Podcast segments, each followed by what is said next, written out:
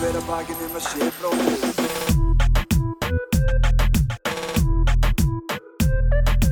Bera hver að bakinn um að sé bróðir eigi.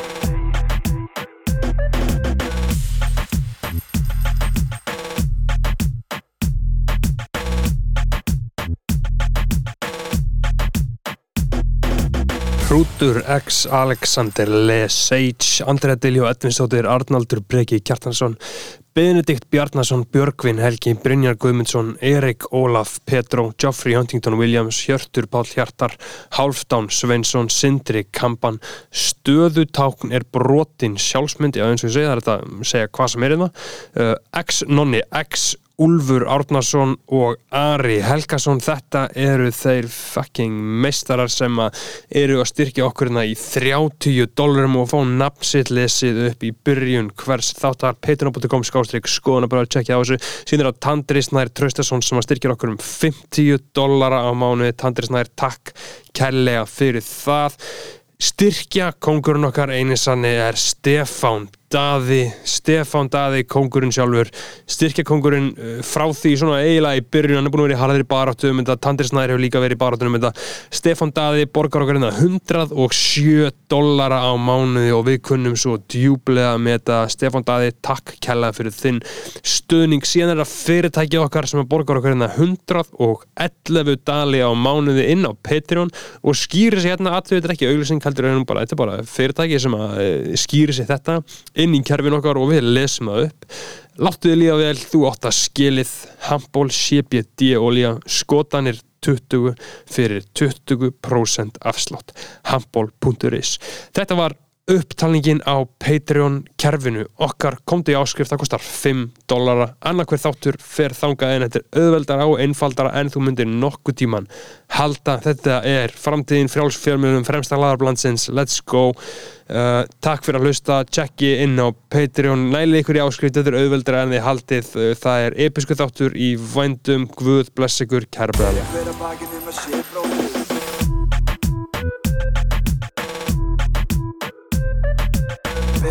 bakinn um að sé bróðir eigi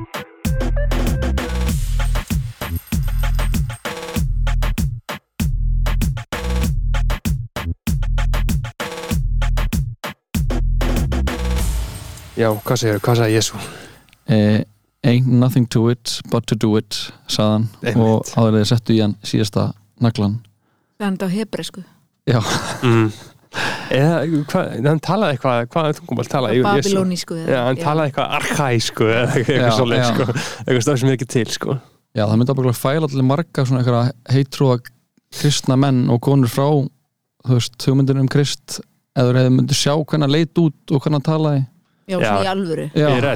Já. Hann var bara þú veist svona þau væri bara, heyrðu, nei, nei, nei Hann var náttúrulega ekki síðar, hann var ekki hvítur. Nei, Það er ekki. Nei. Uh, öll sagfræðin segir okkur það, sko. já, já, Þú Veist, uh, það, er, það er eina af þessum uh, stóru legum sem að við höfum lifað með, sko. mhm Trú ég. eina af þessum mörgu sko Já. en Gagga Jónsdóttir, verður hjartalega velkomin hingað Takk skonabræður í Egil stofu Mm uh, það er hennar nafnið á á þetta unofficial title Aha. -hmm. uh, þetta er officially Coke stúdíóið en við, við notum meira en Egil stofu í skonabræðurum sko það, það hefur stikkað ágætlega, sko. Það hefur stikkað ágætlega. Uh, Það þú, verður mjög gott, eigilstofa Eða ekki? Jú, Mm eins og kjærvalstofa Já, nákvæmlega. eins og Heið, heiðra góðan mann sko. já, já, heiðra góðan mann sko. Skallagrimsson og Ástrásson já. Heiðra hann báða. Og Helgason, þú veist, þið út í að farið og, já, já, Ólafsson kannski, þú veist. Já, það er svona já, þú veist. Spur- Ölgerðin spók já, já, já, já, bara allt sko Herru, við erum hér saman komin til að ræða ýmslegt Já. uh, þú ert gera kona Mhm. uh, höfundur uh, þú er pródusur mikið og er búin að vera að vinna í kveimdabransunum bara þú veist, Síðan ég var barn síðan varst barn Já. síðan spar, þú wow. náttúrulega byrjaði hvað var ekki breykið pappispjessi eða Jú, breykið var, var í pappispjasa 1989 já, eða já, 90. já. Mhm. Og fórstu lengi á því eða var að byrja veist Já, það tók langa tíma að byrjaði, þú veist, 88 átti bara að vera sjóhansmynd mm -hmm, svo var það bíómynd í fullri lengt og við vorum öll orðin, þú veist, vaksin upp úr búningunum og orðin frekar leiðileg og þreytt og Já. svona þegar þetta Mm. loksins þegar því laug sko. hvernig væri að, að, að, að pappirpjössi er endurgjörur í dag var það ekki alltaf svona grimm eða þú veist, eitthvað svona eufória útgáfa Jú, jú, Sko, jú. ég- Það ég- var mjög stutt í það þegar við lögum. Já, Ég- Það var alveg ég svona er of- Ég er of ungur sko ég, ég, þegar ég segi pappispjessi sko þá hef ég heyrt þetta rosalega oft en ég kem ekki fyrir með mynd eða Nei. þú veist nákvæmlega hvað var pappispjessi Það var mynd og eftir sögu, eftir hann að Herti Segirsdóttur sem var hann að kennari í Ísaksskóla mhm, Já. og en myndin hefur líka ekkert verið fáanleg í bara lengi og ég held að sé hægt að horfa á YouTube Já. ég hef ekki eins og sínt sko mínum bönnum, ég reyndi einu sinni með eldri og hún hafði ekki áhuga. Nei. nei, þetta er kannski svona smá Já, Smá eitthvað, já, þannig að plagga þetta ekki? Já. Já, þetta er svona einhvern veginn, þú veist að ég maður, þekkir þetta pappispjessi sko, ég einhvern veginn svona, þetta tikkar ekki í neitt. Svo já, svo var nú heimildamind þarna, hann Ratsjú, hana, indverski. Já, já, hann sem sagt átti heima upp í Mósestal eins og ég og hérna og kom þangað með mömmu svona pappa frá Indlandi svo bara sagt fluttu þau aftur til Indlands og það heyrðist ekki af honum mörg mörg ár. Svo fór hérna Rúnar Rúnarsson já, og Birta sem var konunars þá, þau fóru til Indlands að leita á honum. Mm. það var heimildamind, Ok. leitin að Ratsjú Já, maður, um, bara Svo- svona, já, tengd á mín smá fann, fann þetta plaggat bara upprunalega útgáfa þessu plaggati bara um daginn. Já, og, og gaf hann að uh, sinni sínum, má ég minna hún Jeff, Jeffrey þetta plaggat og hann var að ramma það inn sko, þetta var eitthvað svona mjög mikið og enn skemmtilegt. Já, alveg bara svona mint condition plaggat. Ég, ég held að þær séu að reyna að laga myndinu og alltaf einhvern tímann kemur hún að banna hana Já. kvindaháttíðina. já, já, já, gæðist Mhm. en þú ert búin að gera hann þætti núna sem uh, já, þessi þáttur er tekin upp aðeins fram í tíman hann, uh, en, en þátturinn aðalpersonur verður bara á dagskrá stöða 2 bara uh, hvað er að tala um, jú ég held að fyrsti þátturinn er Þrítist og búin fyrsta já, já, þá verður hann að þá var það bara í gær fyrsti þátturinn var Já. síndur Mhm.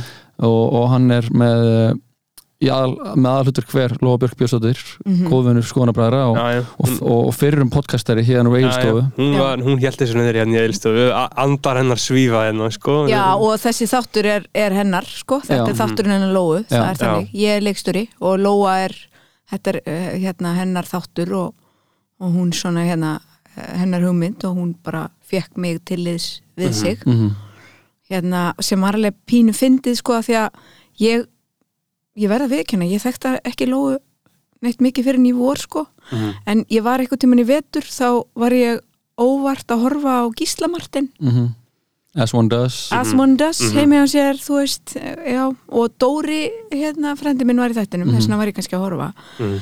og þið vitið þegar maður horfa á Gísla Martin, þetta er svolítið svona maður þekkir alltaf alla og þetta er bara já. svona, nema þarna sá ég einhverja konu í heklu vesti og Einmitt. þetta var rosalega skrítin þáttur.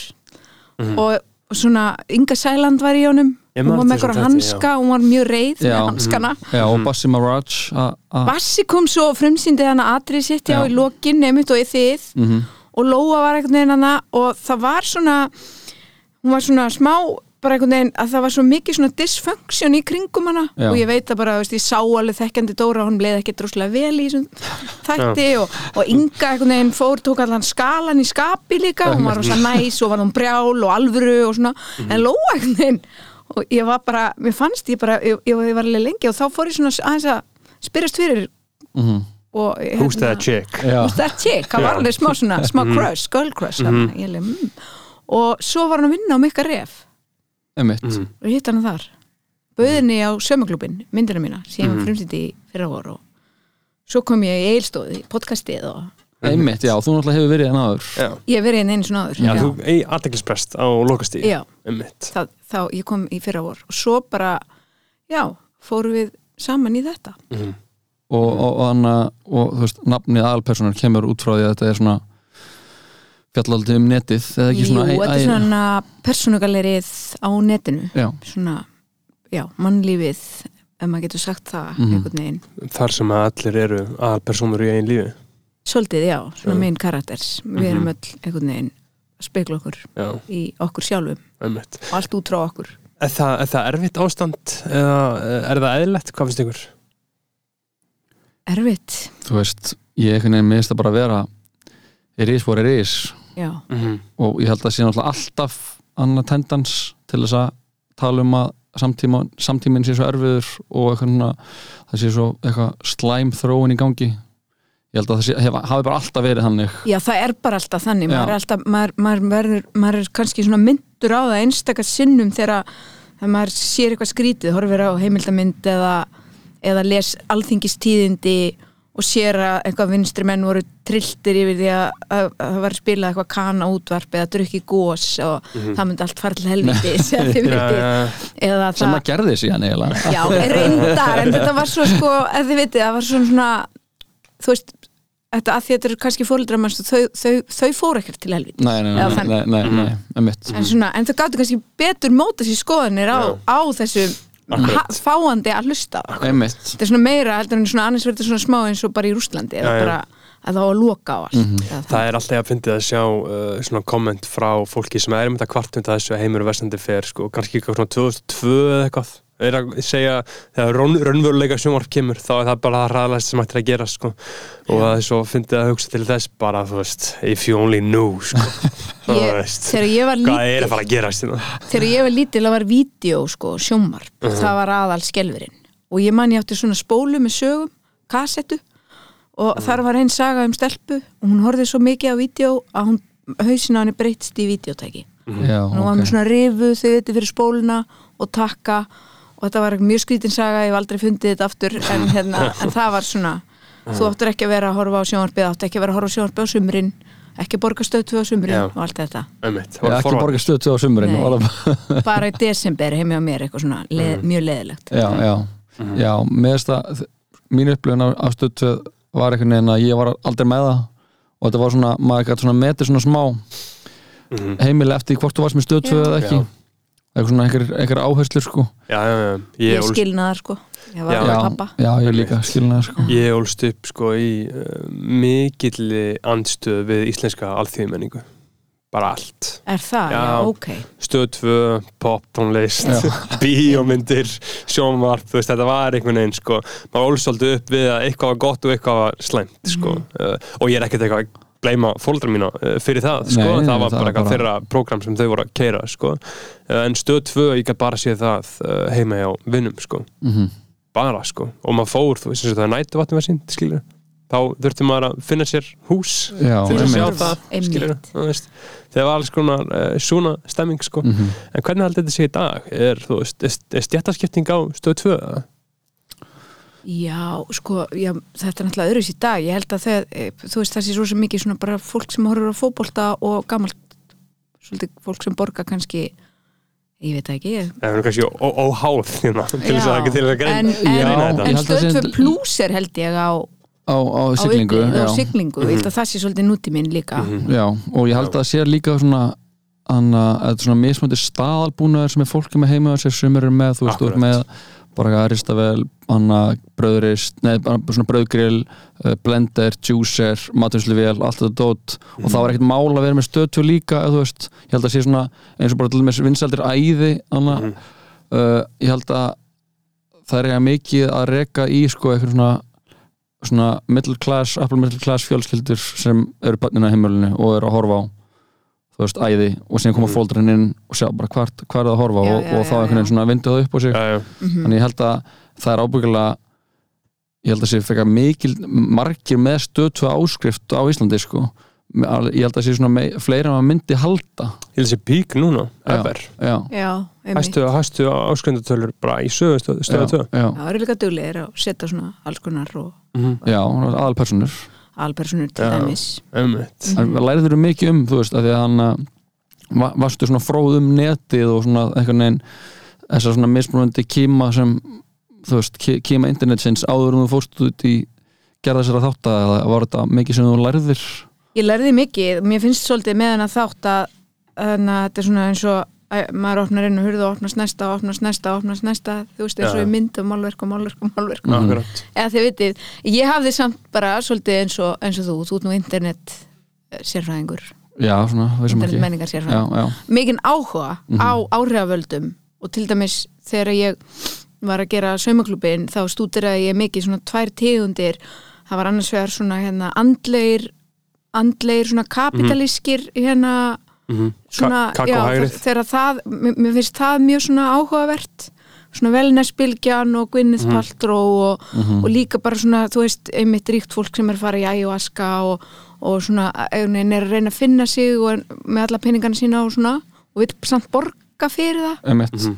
og svo svona svona konur á miðjum aldri sem er reynd svolítið að reyna að teika hérna að vera áhrifavaldar. Og ég, mér finnst það, þú veist það er, það er bara gaman og ég meni ég er þar bara mjög bráðlega sjálf og svona ekki sem Yeah, áhrifavaldur let's en, en þið veitir, það er svona ég var nefnilega einu svona í ljósmynda á ljósmyndanámskeiðin hjá Sissu Já. og það voru svona nokkra konur, það var fyrir nokkrum árum og þær voru að koma á námskeið þetta var svona kannski einhverjir menn sem voru að vinna og fólk í leiðsögu og svo kannski einhverjir ungir og eitthvað bara svona með myndavælina sínar en svo voru svona nokkra konur sem var að koma að því þær vildu læra að taka betri myndir af vörunum sínum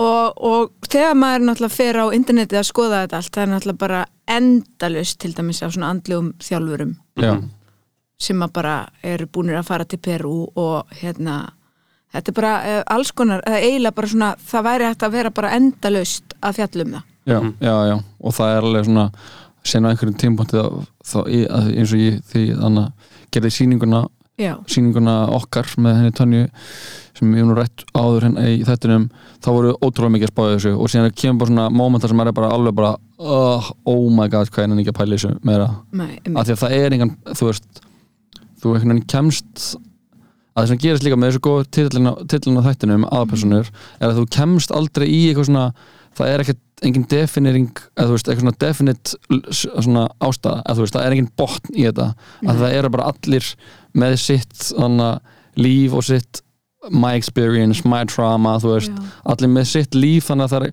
ástæður allra eru þótt að sé- komi kannski svona af svipum miðum, þá eru allar svo persónulegar Mhm. þannig að, þannig að þetta getur verið alveg svona að því, að ef maður skoðar netinu og lengi og með nákvæmum augum þá getur maður einhvern veginn bara fundið svona sympathy og empathy bara fyrir öllum og verður svona, eitthvað, já, já, já, já, þú veist og eða bara mistana Eða bara misst hana alveg. Mhm. svolítið og verið bara svona það var, var ekki Björk eða eitthvað sem sagði eitthvað að væri að hanga netinu svo að borða ókslega mikið McDonalds mm og manni líður þetta alveg þannig Já, já, já. oft en samt er þetta þarna og það er líka svo margt þarna sem að Mhm. við þurfum á að halda og svona mér finnst að þetta er ekki beint svona þættir sem kannski komast að einhverju niðurstöðu annari en bara við erum svona svolítið að, að ræða þetta og, og það koma út margar hliðar og Mhm. ein pæling fæðist af einhverju annari pælingu og, og hérna og við erum alltaf að læra líka um, bara um leið og, og svona einhvern veginn og ræða málin þetta er pínur svona þáttur að það er verið svolítið að ræða málin Mhm. og velta því upp En ég, ég held kannski að það er eitthvað svona sem að maður getur séð að er eitthvað svona, já, einmitt, eitthvað svona sem eh, hefur komið út úr, út úr þessu þá er kannski, ég held að COVID hafi búið til mjög mikið af til dæmis uh, social justice áhrifavöldum. Mhm. þú veist, bara allstaðar í heiminum og Íslandi líka. Það bara einhvern veginn, allt einu gáttu við ekki farið neitt og þá, þú veist og það kemur eitthvað svona faraldur og verður eitthvað svona uh, og líka bara fólk fyrir að eitthvað verða TikTok stjörnum og aðrir verða eitthvað öðru og svona. Mhm. þannig að það er kannski eitthvað svona sem Mhm. við gáttum Þetta fundið er, út. þetta er ótrúlega rætt að gerast. Já, breytingarnar gerast ótrúlega rætt Já, og fólk talar um það sama á, þú veist, uh, það er talað um hvað í þrjá daga og síðan er það gjörsamlega farið eftir þrjá daga. Það er ótrúlegt hvernig það gerist sko og hvernig það þróast og hvernig hlutir sko uh, detta úr tísku og ekki sko, það er einhvern veginn eins og þú veist, hvernig haldið það þessu sé stjórna, þú veist, trú, er, er, trúið þið að Instagram, þú veist, að Zuckerberg sé að stjórna þessu sjálfur, hvað við erum að tala um eða sé raunverulegur vilji fólksins sko ég held að, að við séum veist, það sem, það sem hann að er auðvitað einhver svona miðstýring þú veist, það er verið Já, að ég, meina, anna- ég, ég, ég er alveg tilbúin að trúa að Zuckerberg raunverulega stjórni því hvað er talað um Já sko. það er verið að konar á þessu sko. núna þarna eins og í Rústlandi og Já, svo finnst mér líka hafandi verið að vinna allt með TikTok og þetta algoritmin sé kínveskur og svona ég er alveg pínu svona ég er alveg að horfa á það einhvern veginn út frá Já. einhverju já, já. Og- eins, og, og- eins og TikTok bannar fátaka og feita og ljóta Já. fann, og ég postaði á, hana, í, í, í hana, litla story uh, á- svona í Close Friends hana, fyrir nokkuð dögum uh, einhverjum sk- screenshoti sem ég sá þannig um að, já, að þeir, þeir blokka veist, feitur, ljótur fátækur, þannig að fatlaður, bara allt Já. þetta þá, anna, þá ertu svo pressaður af TikTok að þeir Já. vilja að það sem sko representi TikTok sé Já, og, fallegt og við erum ekki fólk. bara að sjá pressuð af TikTok, þetta er einmitt svona smá í einum þættinum okkar heldur, erum við að bara líka bara sem áhorvendur já, já.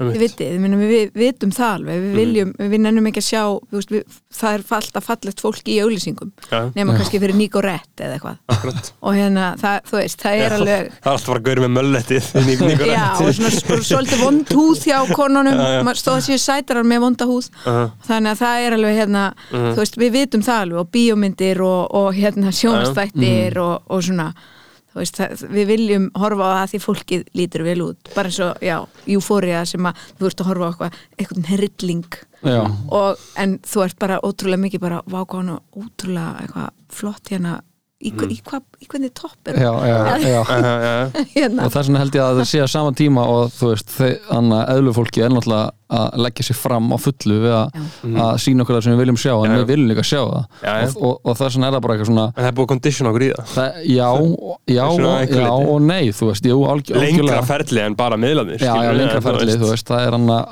aldurfordómanir og, Já. og hann og fegurðar, þú veist, Staðlanir. sem eru Já. náttúrulega bre- breytast það er náttúrulega Mm. bara eitthvað í gamla daga, þú veist, einhvers stöðum með miðöldum, þá var náttúrulega bara ekkert betra en að vera feitur, þú veist, þá síndi það bara að þú Eating good. Eating good og varst ríkur og hann Já, að það var bara næs að vera feitur já, þú veist, það var bara best, Einmitt, þú veist, einmitt. en, en, en að já, þetta er náttúrulega svo ótrúlega, eitthvað, það, er komið svo margar hliðar á alla Já, peninga. það eru Já. svo margar hliðar Já, á já. þessu, það er einhvern veginn alveg þannig. Og svo er mitt TikTok sem er þarna úti og bara allir er einhvern veginn á en maður hefur einhvern veginn verið lengi bara svona að þetta sé svona eitthvað sem krakkarnir er að Mhm, leika sér Já, já. og þetta veit maður alveg kannski betur inn í, langt inn í sér og svona. Já, en það er bara eitthvað svo þú veit, þið vitið, þetta er einhvern veginn maður er eitthvað svona, maður getur ekkert mikið gert nei, Nei. samt, nei, nei, þetta er bara svo með vídeoið og stöð Mhm. 2, ég meina, hvað ætlaði mamma henni að gera skilur, þú varst bara að fara að horfa þannig Já, já.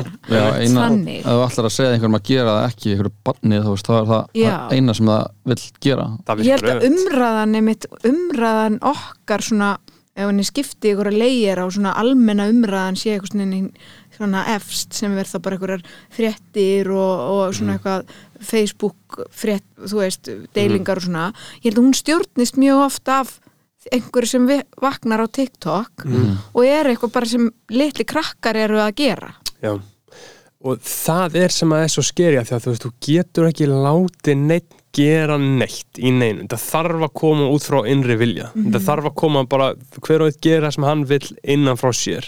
Og það er sem er svo skerja við þessi stórfyrirtæki er að þau ráðast inn í sálfræðina Já. af fólki. Já, og breyta því hvaða er sem þú vilt Einmitt. og síðan færðu kannski einhver skilabóð út undan þér að þetta eigi ekki að vera svona en þau skipti ekki máli að því að þú ert með þína sálfræði inn í þér skilur, þau eru að nota bara eitthvað svona djúpar Mhm. sálfræði brellur til þess að breyta því hvaða er sem þú vilt og það sem að þú vilt er eftir þeirra hagsmunum að þeir græði meiri pening Já. burt sér frá öllu öðru sko, þá var það megin ert- markmið sko. þegar þú ert, þú veist, lítill eins og þegar ég var lítill eða var unglingur, þú veist, þá, þá var maður að fara í einhverja, maður var að fara í hljómalind og skoða diska og Kitty Kanina var að segja manni hvað væri hvað var ég feitt. Já, já. feitt að hlusta einmitt, á. einmitt. eða maður fór heim til einhvers og hlustaði og maður var að fá áhrifin sín Akkurat. mjög mikið, auðvitað eitthvað bíó og sjónvarpi og svona en ekki, þú veist, en frá vinum sínum. En núna að þetta er svona eins og þú segir, þetta er svo útpælt þannig að einhver Mm. lítill strákur skoðar eitthvað og svo bara allt í henni er hann bara mataður af því. Það, Ja, og alveg því þau eru svo mikið náttúrulega, Já. Veist, kannski þrýr, fjóri tímar á dag. Já, bara í reyna mötun á efni. Já, já. og þú veist, þetta er annarkvæmt Mark, Mark Zuckerberg eða Chinese spyware. Já, og það er hræðilegt. Þetta er annarkvæmt það, er- það, er, það er engir engir aðrir valmöguleikar sko. Ég var um þetta að lesa nú í dag bara um með þarna net hlutleysi að það séu mannréttindi. Mhm. það Obama hann já, vildi gera neutrality eitthvað. Já. já, og það er alveg rétt og akkur erum við ekki að tala meir um það núna Einmitt. það er bara eitthvað að því að uh, það sem að stjórnar umræðan okkar er kannski ekki endilega svo mikið að fokki því sko. ég verð að viðkynna, ég vissi, þú veist ekki einu svona almennilega hvað það var fyrir en ég bara einhvern veginn voru að fletta upp og aðeins að skoða það. Það er alveg ástæða ábyggla fyrir að þú veist, ég veit sem ég var hvað frá er heldur. 2014 sko, frétt já, ég man eftir þessu, það var, það var, var, var, var mikið í fréttunum eitthvað. Kannski að deila þessu bara á Facebook. Já, já, já, endur sinn sko. bara. Sko net, net neutrality, ef maður googlaði hérna um, is the principle that internet service providers must treat all internet communications equally and not charge users different rates based on content, website, platform, application, type of equipment, source address, destination address og með þetta, já, þetta er basically að allir eigi að vera jafnir á internetinu já, sem að við höldum kannski að sé núna en er alls ekki þannig. Já, og sé líka ekki þannig að þú getur alltaf verið að græða á okkur, sko, þú veist, með því Já. að hækka, þú veist, þetta fyrirtæki með sæstringin hækkar eitthvað til að Netflix verði hægara eða þið vitið Já. að borga þarna en, en líka bara út af svona upplýsingum, held Já. ég. Þetta er bara svona gríðarlega djúb flókið Ég hef sko þetta hjálpað mér í uppbyldinu því ég á einn ungling og Mm. hún er stelpa, ég á stelpu og ég er svona stundum ef hún er ekstra glúmi eitthvað og ég veit hún er búin að vera mikið í símanum þá veit ég alveg hún er búin að vera að skoða svona einhverjar stelpur að syngja um sjálfsharm og einhverjar svona sjálfskaða og anorexíu og æ, þið vitið, það, Já, er bara, já. það er bara hennar fít bara Já. TikTok stream bara Já. þú veist, það er bara vita, ég veit það alveg Já. núna og ég, ég bara segi, ég, ég er bara svona svo mamma er, ég var að lesa ísfólkið eitthvað Já. bara nú hætti þú að stundi Já, já, já, já. Þú og það er líka að þú veist, út af þessum elementum þá er mjög auðvelt að þetta er, er náttúrulega mjög bara skeri þróun þú veist, Já. Og anna en þið komur alltaf líka með þátt um, um eitthvað svona kryptó Mhm. og, og það er náttúrulega, þú veist, það sem er mar- margt að segja um kryptó sem er, þú veist, skjótt og slæmt þetta er ekki- bara fjármagnað þannig að glæpastar sem og allt sem er einhvern veginn á ekki að vera upp, upp á borði en það sem er líka ákveðin undirstaða í kryptónu er þetta einhvern veginn svona jamt aðgengi að þú veist, þetta á eitthvað svona að því ultimate democra democratization já, já. og það er ákveðin svona einhver ákveðinar myndir sem eru að þú veist myndin er bara nótu til þess að, að halda uppi bara, eins og bara eitthvað svona serverum sem eru bara, bara þetta er bara net, þetta er bara nýtt net sem er algjörlega Já, vef, þriði vefurinn Já, og Já. það er náttúrulega uh, sjónvastáttur á HBO sem heitir hann uh, Silicon Valley sem er svona sitcom þáttur mjög skemmtilegur og það er í rauninni, þú veist fjallað um gauðra sem voru basically að búa þetta til. Eitthvað svona bara algjörlega hlutlaust bara hann fullkomlega líðræðislegt internet það sem enginn er einhvern veginn or þú veist og en maður sér einhvern veginn ekki þú veist eins og Amazon voru núna að kaupa hann MGM kumda. Mm. hann stúdíóið þú veist. ljónið. Ljónið þegar Já. James, James sem Bond. var alveg bara ymmit og ég held að hann þú veist, þeir eru náttúrulega bara búin að saksa meira og meira undir sig og eru bara að fara að gera það meira þú veist, að ég veit ekki hvað þyrfti að og síðan, og síðan byrja Amazon að gefa út skólabækur og sögubækur og bara byggja stýttur af our supreme leader Jeff. Bezos skilur þetta er þetta er au- auðveldar að maður heldur sko. já, Já, kannski er þátturinn svona eitthvað örlítið innlegg í bara einhvern veginn að halda uppi einhverjum að maður efist og maður spekli og maður bara gleipi ekki einhvern veginn við öllu eða þið vitið að maður hugsi um það og svona, já, einmitt og, og rauninni ég, líka að, að svona auglýsingamennska og, og það að selja okkur vörur það er enna, hefur í grunninn ekkert breyst. Nei, mæ, það bara kom alltaf nýjar og nýjar einhvern veginn leiðir til þess. Já útpæltari leiðir. Nú, nú er þetta bara komið dýbra inn í kerfi hjá manni sko. nú er þetta bara vinimanns og fjölskyldamanns. Við erum farin að vera bara agendar maður, já, og maður horfir á, er að horfa á auglýsingar þegar maður er að horfa á Eurovision eða eitthvað, þú veist, það er gamla dæmið, þú veist, maður er fannst úrslega gaman að horfa á auglýsingar þegar maður var lítill. já, já. Já, nú mætir bara Eurovision party og frændiðin er að selja þér eitthvað. Já, núna bara ertu með einhverju sponsuðu partí eitthvað frenda bara. Já, við erum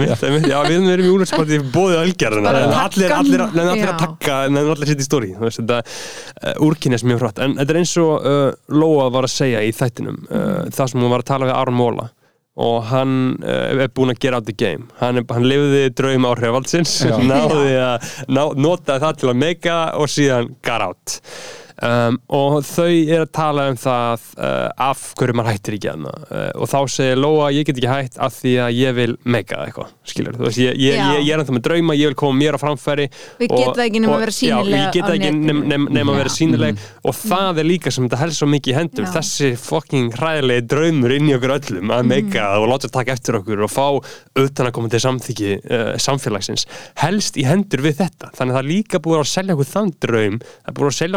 þetta stöf til Já. þess að Ef við við erum þurfum að ekki á vera netinu þarna. þá erum við ekki til. Eiginlega ekki. Og það er talað um það Takkasíminn er þú veist, bara eitthvað Af Því að núna, ef við talum um eitthvað svona mismunandi menningar uh, stöf sem eru í gangi inn á TikTok og það eru alls konar algoritmar og þú veist, þetta er ekki lengur menningar held, heldur auðvitað bara mismunandi algoritmar. Eina countercultureið sem að ég, ég sá þetta einhvern fyrir lengur svolítið sitt í mér, eina countercultureið sem til er í alheiminum er bara að vera offline vera offline Já. Já, já. Þa, það er eina svona counterculture sem til er, Já, þú veist. Við er- bara að tala líka um eins og bara í náttúru annað vernda á Íslandi að það sé sagt, eða bara í heiminum öllum að það sé svo mikilvægt að vernda svona alvöru óbyggðir einmitt Mhm. út af ekki síst þessu sem þú getur ekki verið online. Já, já, ert bara, það er, það er eiginlega það sem það heitir líka að vera í óbyggðum bara, Mhm. hann er engin í þig. Nei Þannig er Það- engin í þig. Nei, og það, space það, bara. það er ekkert reykjalegt nei. það það er eina, reykilegt og ert bara í friði og getur ekki kveikt á síman þó þið langi til þess. Það er svona, það eina óreikjanlega sem getur gert í dag er bara eitthvað að setja á í skíðagrím og fara inn í fornbókabú og kaupa bók með sko seðlum. Já, mér finnst út. bókasafni vera svona síðasti móikannin já, að það, að það er enginn að reyna að selja manni neitt inn á eru þetta smá búðana, jú. Mhm. en þið vitið, það er svona samt einhvern veginn hugsunin í bókasafnu og bókasafnum er einhvern veginn hún er ennþá svona bara Já. Kontu hér og fáðu bók. Hver, hvenær ætli það muni færast fullkomlega online Einmitt. eða þú veist, af því að ég- er að hugsa bara vá, það var bara rafbókasafn og ég geti borgað fyrir íslenska rafbækur að ég er að fatta sko hver er munurinn á þessu á að ég geti labbað inn, ég geti borgað inn hvað kostar það, þúsund kallar ári eða eitthvað bara eitthvað ekkert sko. ekkert Já, það kostar bara ekkert og ég geti farið og sótt hvaða bók sem er og komið síðan og skila henni sem er fokkin ekki vesen með því svona nútíma mann, skilur í staðin fyrir að geta bara downloadað uh, rafbókinni og skila henni síðan af því að ég les aðalega á Kindle. Já, ég ger það líka. Þess vegna einmitt les maður bara á eiginlega ensku? allt á ennsku Já, sko. einmitt. nema, nema maður þurfa einhvern veginn að kaupa þetta af forlæginu sem að kosta þá ef nýbók kemur út, kostar hún jafn mikið og venjulega bókir. Þetta, er alltaf svona skekkja í það er eitthvað verið held ég að vinna að þessu. Mhm. þetta er eitthvað svona höfundaréttar og hver á að standa kostnað og eitthvað held Já, Já, að þetta rústar náttúrulega sem í höfundunum að því að þá getur hver sem er bara að lúta bækur lúta bækuna þeirra um leið. Það þarf samt ekki að vera, ekkert frekar enn á bókasefni það er bara, held ég örgulega bara, þú veist, hvernig það er gert og fyrir hverja og eitthvað.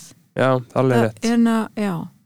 Það er alveg rétt. Þetta er eitthvað sem við, við þurfum að, að þú er bara að fæða þetta bæki Já, kann þetta. Komið nýtt að þe- þe- Þetta er náttúrulega, þú veist, eh, hver er munurinn á sko, einhverju í alvörunni og á netinu sko, eins og að ég, er, ég, ég, ég tengi ekkert við eitthvað svona NFT, jú reyndar, jú, eða voru góði mánuðunir tveir hjá okkur í fyrra þegar við heldum að við myndum vera kryptoríkir sko, Já, já, menn, já. voru, menn voru að tala um Lamborghini og einbílisús og en veist, hvað, en hvað? síðan bara einhvern veginn droppa þetta það bara drafst trúin sko. Já. en það, það var bara svona eiginlega bara fyrir akkurat ári eiginlega fyrir akkurat árið. Þá vorum við og karlmenninir í kringum okkur mjög handvissir. bjart sínir já, og handvissir. krypto komist við að það er mjög, það er mjög karlægt Já. já, já, Já. það er svolítið þannig, það er eiginlega, já, ég get trúið því sko. Ég var farin að skoða hvað Rolls Royce kostar á netinu. Já bara því þú varst vissum. Ég var bara, já, þetta verður ég var farin að skoða, ég var farin að skoða hvað jarðir í borgarfyrði kosta. Þú veist, maður bara komin í einhverjum svona pælingar. Ég bara, ég verð bara á einum svona Wraith, Rolls Royce Wraith.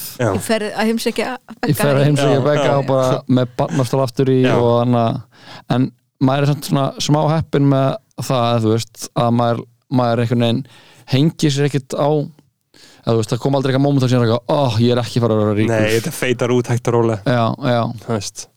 En þið komum náttúrulega inn á þannig að eins og við erum að tala um, þú veist, með, með þetta dæmi, eins og Beggi tala um hérna, þessa skelvilegu þrá okkar til þess að vera þú veist, fá viðkenningu og verða, þú veist, Já. að verða eitthvað sem er láta, náttúrulega láta dásta sér. Já, sem þú veist þannig að uh, ég allan er þakklútu fyrir að, að vera með þetta, þetta hana, heilkenni en hafa samt allist upp einhvern veginn fengið hana, fengið að vera krakki in the 90s og, hana, og allast upp, þú veist, ég fekk ekki snjálfsíma fyrir en eftir að eftir árið sem ég byrjaði í háskóla var ekki með í mentaskóla og hana, og, og svona Já, vá, þú ert bókstallega síðasta kynnslóðin. Ég er rauninni fyrsta kynnslóðin Já. sem að upplið mentaskóla Já. með snjálfsýmum sko. Ég með bara- snjálfsíma, já, Já. emmitt ég bara kláraði MH, fór í heimsleysu sem lendi í London og var að koma heim hann að var afturlegin heim og þá bara kipti ég mér minn fyrsta iPhone Ok, og hann og, og ég sé ekkert eitthvað að það sé eitthvað þú veist, ástæði fyrir því en þú veist ég held að það sé samt alveg svona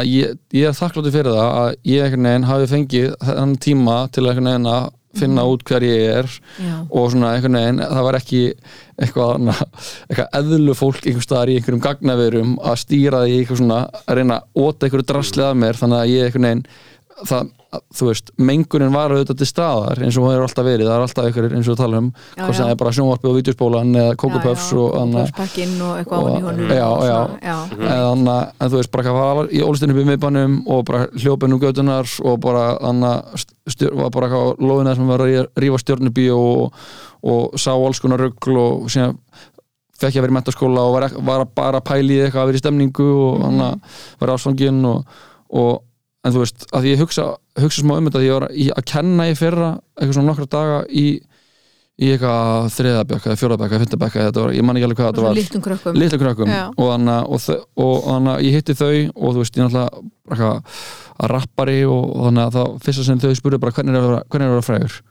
Þannig að er margar subscribers? Og, þannig, að- og ég bara hvað er að tala um? Bara eitthvað, hvernig er eiginlega að vera frægur? Ég segi bara það er bara ekkert um það að segja. Þú veist ég er bara líti ekkert á að, að þú veist ég er einhvern veginn bara svona reyna að pæla ekki í því og, þannig að, og þú veist, að vera frægur er ekkert merkilegt í bara neinum skilningi orðsins að það er bara, þú ert alltaf bara þú og síðan er, að, er það að vera frægur er basically bara að þú veist, einhverju þúsundi manns eru með einhverja, þú veist hugmyndir um þig, skoðanir á þér eða svona, finnst þér að eiga eitthvað í þér og, og ég er svo án það sem ég er að koma inn á er að, þú veist, ég er ánæður með að, að að það sem ég held að sé að gerast núna eins og þau komið inn á TikTok þættinum, þú veist, það er með Lil Curly sem er bara svona, er bara svona fullkomin einhvern veginn byrtingamind af þessu YouTube af þessu barni. YouTube barni, Já. þú veist Þannig, Og hann er bara- draumurinn Já, hann er að láta drauminn í rauninni, þetta er bara option fyrir hann að einhvern veginn af því að hann ætlaði að vera flugmaður og hann, hann Já. þú veist, var með einhverja, drauma og var í flugnami og var að gera eitthvað hitt og þetta Mhm. og síðan bara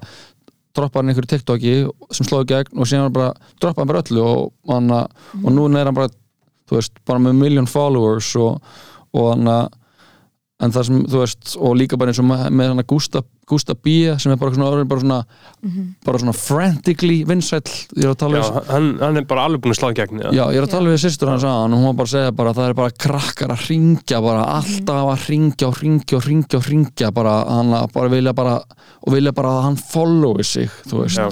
og hann að og þú veist, ég er, ég er ógæslega þakkláttur fyrir að, að maður fekk tíma einhvern veginn Mhm. og, og var það ekki fyrir einhverju svona- þetta er svo mikið svona árás. Alltaf, áriti og allt, allir þessi samanburur, þú veist. Þess vegna, ég var að horfa á myndina hann að Disney myndina nýju um helgina, hann Turning Red. Já, já, hún er mitt gerist sko 2002 já, já, til þess að eins og Stranger Things er líka svona 80s, af því að það er, svo, það er svo leiðinlegt að gera einhvern veginn þannig veist, Mhm. það er svo miklu meira ævintýri hitt, já, já, já, já, hitt að flækir svo hlutina með geti alltaf pandan bara verið eitthvað, æ, vitið, þetta Já. er svona já, já.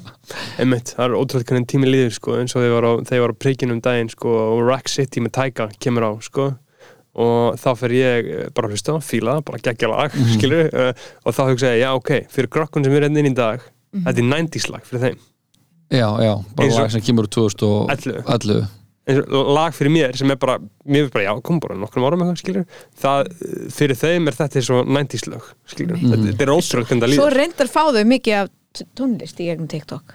Já, já, það er alveg svona góður eða svona, það er eitthvað svona source já líka. það er það sko. Það er alveg hérna, þú veist bara þetta lag, byrju hvað er þetta lag? Já, Mhm. TikTok, TikTok lag, já, já, já það er eitthvað svona hérna, og svona random lög. Já, gömulög Gömul gömulög lög, og maður er svona, ha eða Já, já. Það er líka eins og núna var að koma Batman mynd og Something in the Way með Nirvana var í henni og þá var það bara eitthvað orðið vinsælt Já. og, og þannig að, en þú veist, þið, þið, hvernig, svona, na- hvernig nálgöðust það í, að þið gerðu þáttum TikTok, veist, Já. hvað þannig að þið talið við Lil Curly? Við svona aðal, aðal hérna hérna okkar í, í hérna, já, að stærsta viðtölu okkar í TikTok er hún Laufi Ebba. Já, já, sem að býr í Reykjanesbæ og hérna og hún varð TikTok stjarna í COVID. Mhm, mm.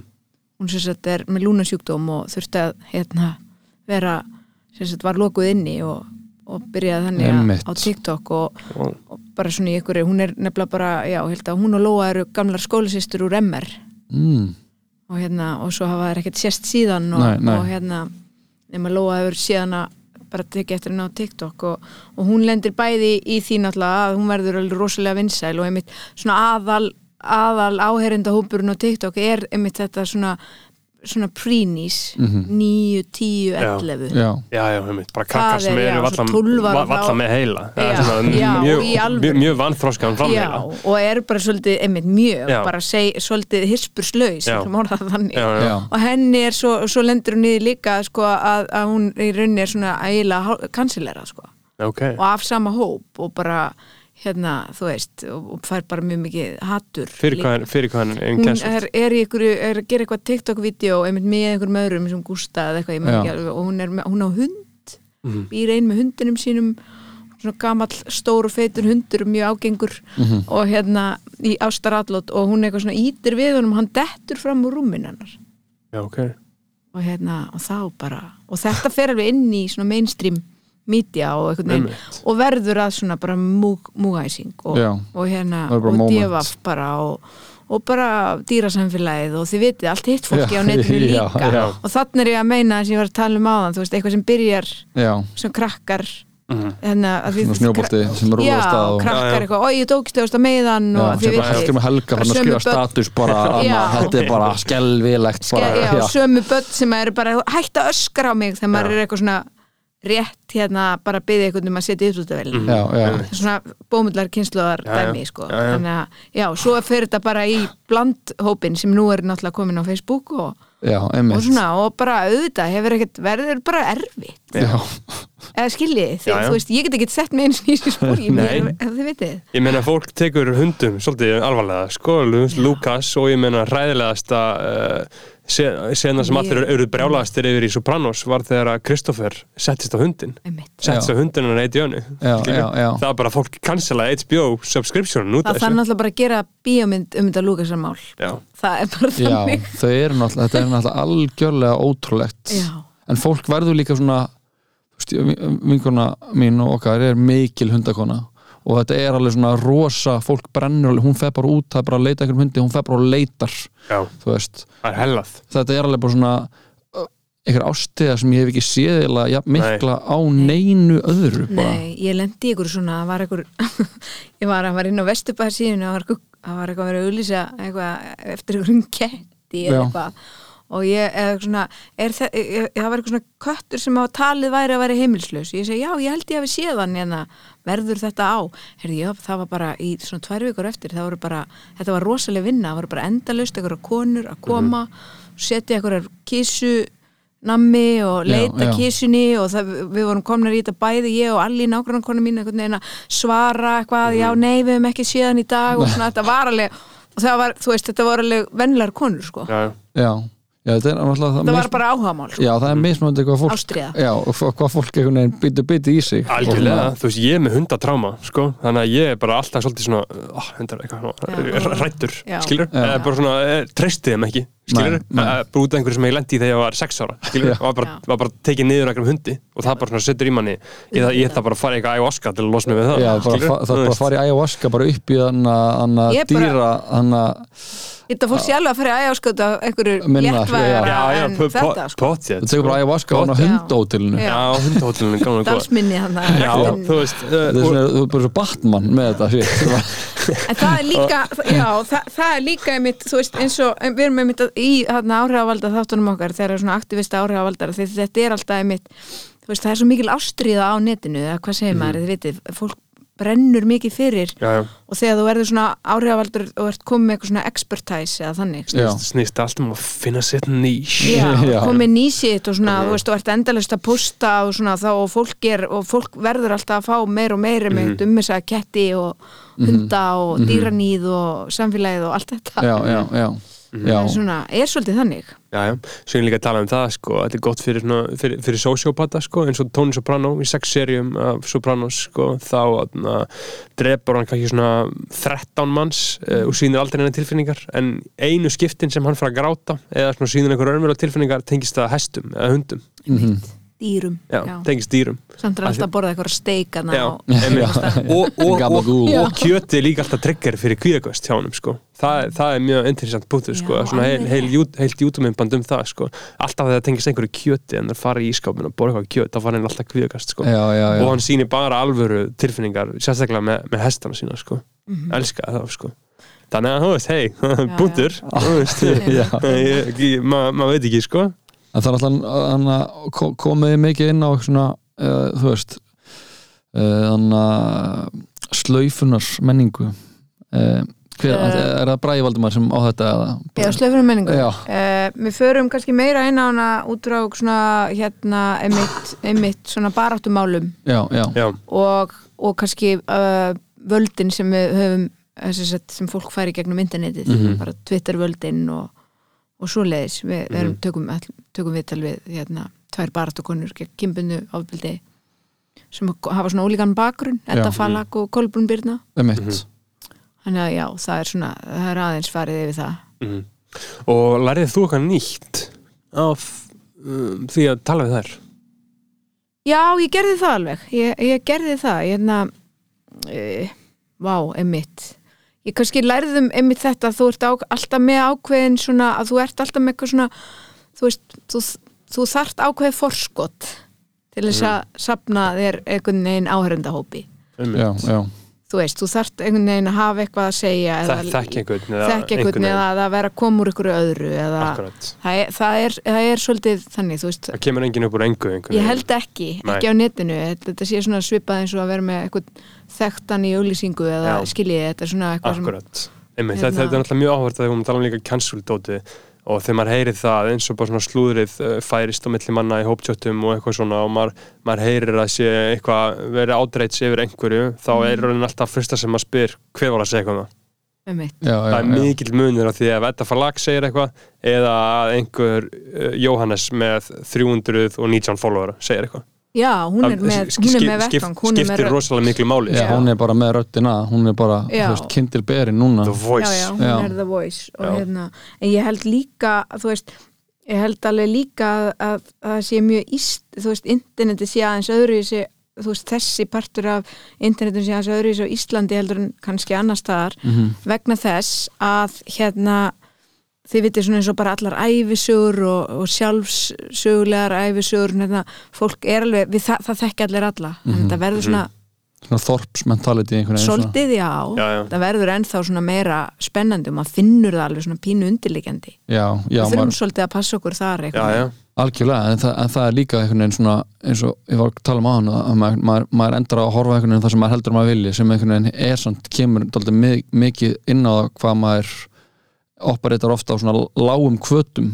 eins og bara hann að þetta dæmi sem kom upp hann bara fjölmjölamæður í síðustu viku sem bara hún tók viðtal við, hún hann að Edda og að hann að við, við, við þólenda og, og stundin stundin, núna Edda fælega komin inn í stundina uh, og hann að og maður, fyrst að maður bara maður sér eitthvað svona, já það er fjölmjölamæður og maður er bara strax bara hver er þetta. Og það er bara, og það er bara maður er bara annað, þú veist eins og maður, maður er operator eins og bara sko í eitthvað svona heimildarvinnu sem ég hef aldrei einhvern veginn já, vita til að maður, ég hefði í mér þú veist, ég er bara svona, maður að reyna að komast að einhverja því að maður er svo ógislega, allan að ég er svo ógislega forvitin. Já, já. Og því að þetta er, þetta er svo lítið laug sem maður er að synda í og þannig að og allir þekki alla og allir eru frendi og frænka og, og bróðir og, Já. og afi og, og það er alveg þannig. Já, en það sem er gó- góða punktur sem þetta segja, maður þarf að, vera með þetta um þetta, þetta er eins og bara eitthvað algoritmum bara eitthvað maður sér bara eitthvað algoritmi svona byr- byrjun á algor- algoritmi í TikTok það er svona já,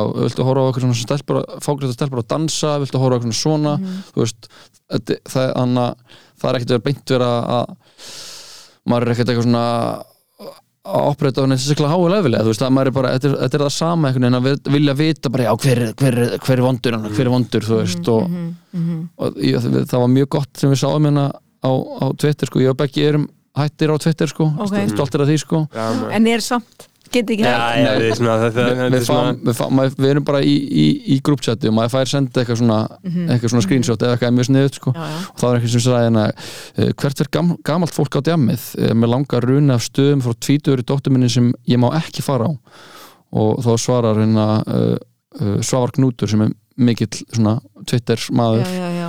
uh, Svavar Knútur með úkrænska fánan uh, sér við hlið í nafninu. Uh, aldurs, aldurs fordóma red flag alert. Uh, getur spurt tvítuðu dóttuðina hvort hún myndi líta transfólk eða muslim á sömu augum á skemmtustöðum eins og fólk sem hefur, eitt, sem hefur það eitt til saka unnið að fylgja gangi náttúrunar og eldast. En var hann að grínast eða? Uh, þú veist ég held hann ekki verið að grínast sko. ég, Uh, ég, held veit að- það, maður alltaf bara veit það ekki þú veist, er það, maður alltaf veit það aldrei þegar maður heyrir engin hérna, blæbriði eða, eða maður gera það ekki, maður greinir ekki Já. kalt henni Nei, þetta er svolítið svo SMS bara, maður veit ekki alveg. Ég meina ég vona hann að vera að grínast sko. Já, Uh, ég- þú ég veist bara, bara upp á það að gera þú þannig ertu svolítið svona að sjá það allra versta úr einhverju sem einhver segir Já, bara fullkomlega einhver og bara sjá sem nennir ekki Já, eitthvað að fá mömmu sína sína bara, vá, fulla á príkinu Já, Vá, þú veist, það er bara eitthvað allra tvítur og með, stelpa að hitta mömmu með sína. kettlingunum og Já. mættust eitthvað, ég skil það mjög. Ræðilegt bara sko. mamma og átó bara, ef þetta, ef, þetta er grín þá er þetta alveg bara fyndið skilur þú veist en síðan uh, fær hann uh, taste of his own medicine, eða ekki?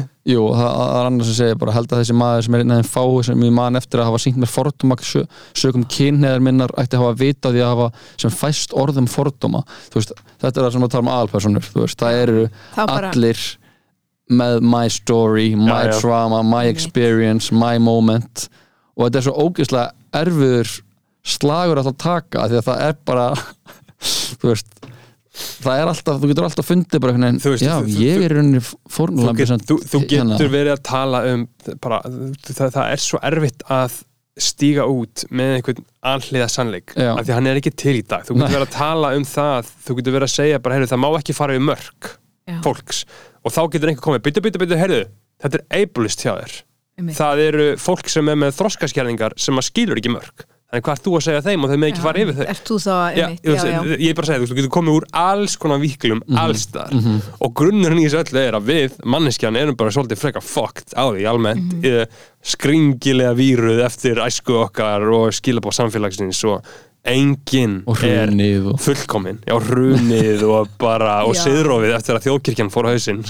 En svo er náttúrulega, er, er taka krakkar náttúrulega líka eftir okkur og svo er náttúrulega bara er verið að kansilera einhverjum strákum í já, 12 maður Já, já, já, að já. heyra því, sko En þá hugsa maður samt að það, þá mætti alveg vera, mættu við taka aldurinn til greina. Mhm. Mhm. Maður var náttúrulega bara algjör fáið mjög lengi Já, já. sjálfur og sagði ógislega ljótt Já. bara ekki með heila gerði og já, bara var alltaf eitthvað að gera mistök, Mhm. eitthvað sem að, já, og það er náttúrulega mjög ræðilega krakkar fari að læra þessa tækni já, bara og eða að krakkar geri kröfu á sig sjálf að þau séu Já. eitthvað svona móralst fullkomin Já. þegar þau séu Akkurat. 13 ára Akkurat. það er bara Já, já, erfitt Já, það meikar engan sens og það býr til, það er rosalega svona slæmur grunnur að byggja á að þau séu einhvern veginn komin þangað já, í einhvern svona, svona, svona framala í bernskunni einhvern, já, ég þarf að vera góður. Þetta er bara Já. ofbeldishegðun Já. hjá vinkonuðin þegar hún hótar að bjóða þér ekki Já, ammæli sitt. Þetta er toxic,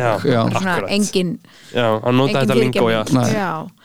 Að því þú talar nú um þjóðkirkjuna við erum samt, erum við eitthvað að reyna þó, þó svo að við sé að það sé brott hvarfur henni og svona, þá erum við samt líka eitthvað svona samfélag sem ætlar að vinna á, eða við kennum alltaf börnunum okkar það að fyrirgefa einhver gera á þeirra hlut og svona. Mhm. ég er, nú er ég ekki að segja að þólendur eigi endla bara eitthvað að fyrirgefa, ég er bara að segja það bara sem eitthvað svona samfélagslegt já, já, já, algjörlega allavega í einhvern svona ræðamálin eða Já, já. koma með bara svo eftir þarna aðskilnaðastefnuna í Suður Afríku þau eru ennþá einhvern veginn að reyna að vinna úr því Akkurat. hvernig það er bara allt svo skemmt ennþá og bara, Já, já. það er svo mikið tráma. Já, já, já, bara eitthvað hryllingur. Já, og síðan eru við bara einna bara að komast að því núna síðslegin þrjú ár. Bara herðu, bara í öllum fjölskyldum þá Já. er ofbeldi. Einmitt. uh, ef ekki líkamlegt eða kynfærslegt á allavega andlegt. Uh, og þetta er bara á, í meira hluti allra fjölskyldna. En að því var þó- svo mikil þöggun Já. líka, það Já. var svo mikil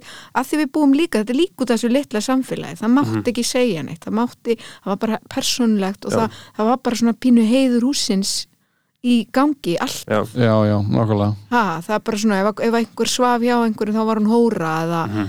Þið veist, þetta er svo, svo, svo stutt síðan Já. að það var bara þarna já, og svo mikill alkoholismi og meðvirkni í kjölfarið Já. þannig að það er einhvern veginn þú veist, fólk það er ekki góð kóktel nei, Nei. lét bara yfir sig alls konar bara shit dinja og einhvern veginn var bara tilbúið að vera bara Já, halda áfram að því að þú veist, það er bara það best í stöðinni, það er bara halda áfram og láta eins og einhvern veginn mér veistu líka aldrei með einhvern veginn tala um það með að hvað þetta sé, er oft bara svona alls konar ég, myrkraverk, e- hvað þetta er mikil alkoholismi já, Já, líka bara komur á réttan stað til að ræða þetta sko. höf, Já. höfu veitum mannkinsins eins og saði já, sko. bara, og ekki bara, þið veitir, þú veist hérna að vera fullur bara alkohóliserað. Já, já. samfélag já, og hegðum bara, hegðunin og meðvirknin og allt Mhm. þetta hérna, þú veist, einhvern veginn harkan og einmitt, það, það, það krefst svo mikil mindset mindset, Já. skilur, að Já. þetta er það sem við gerum og síðan, og síðan er það bara síðan kemur bara helgi og það færi bara nýri bæ og bara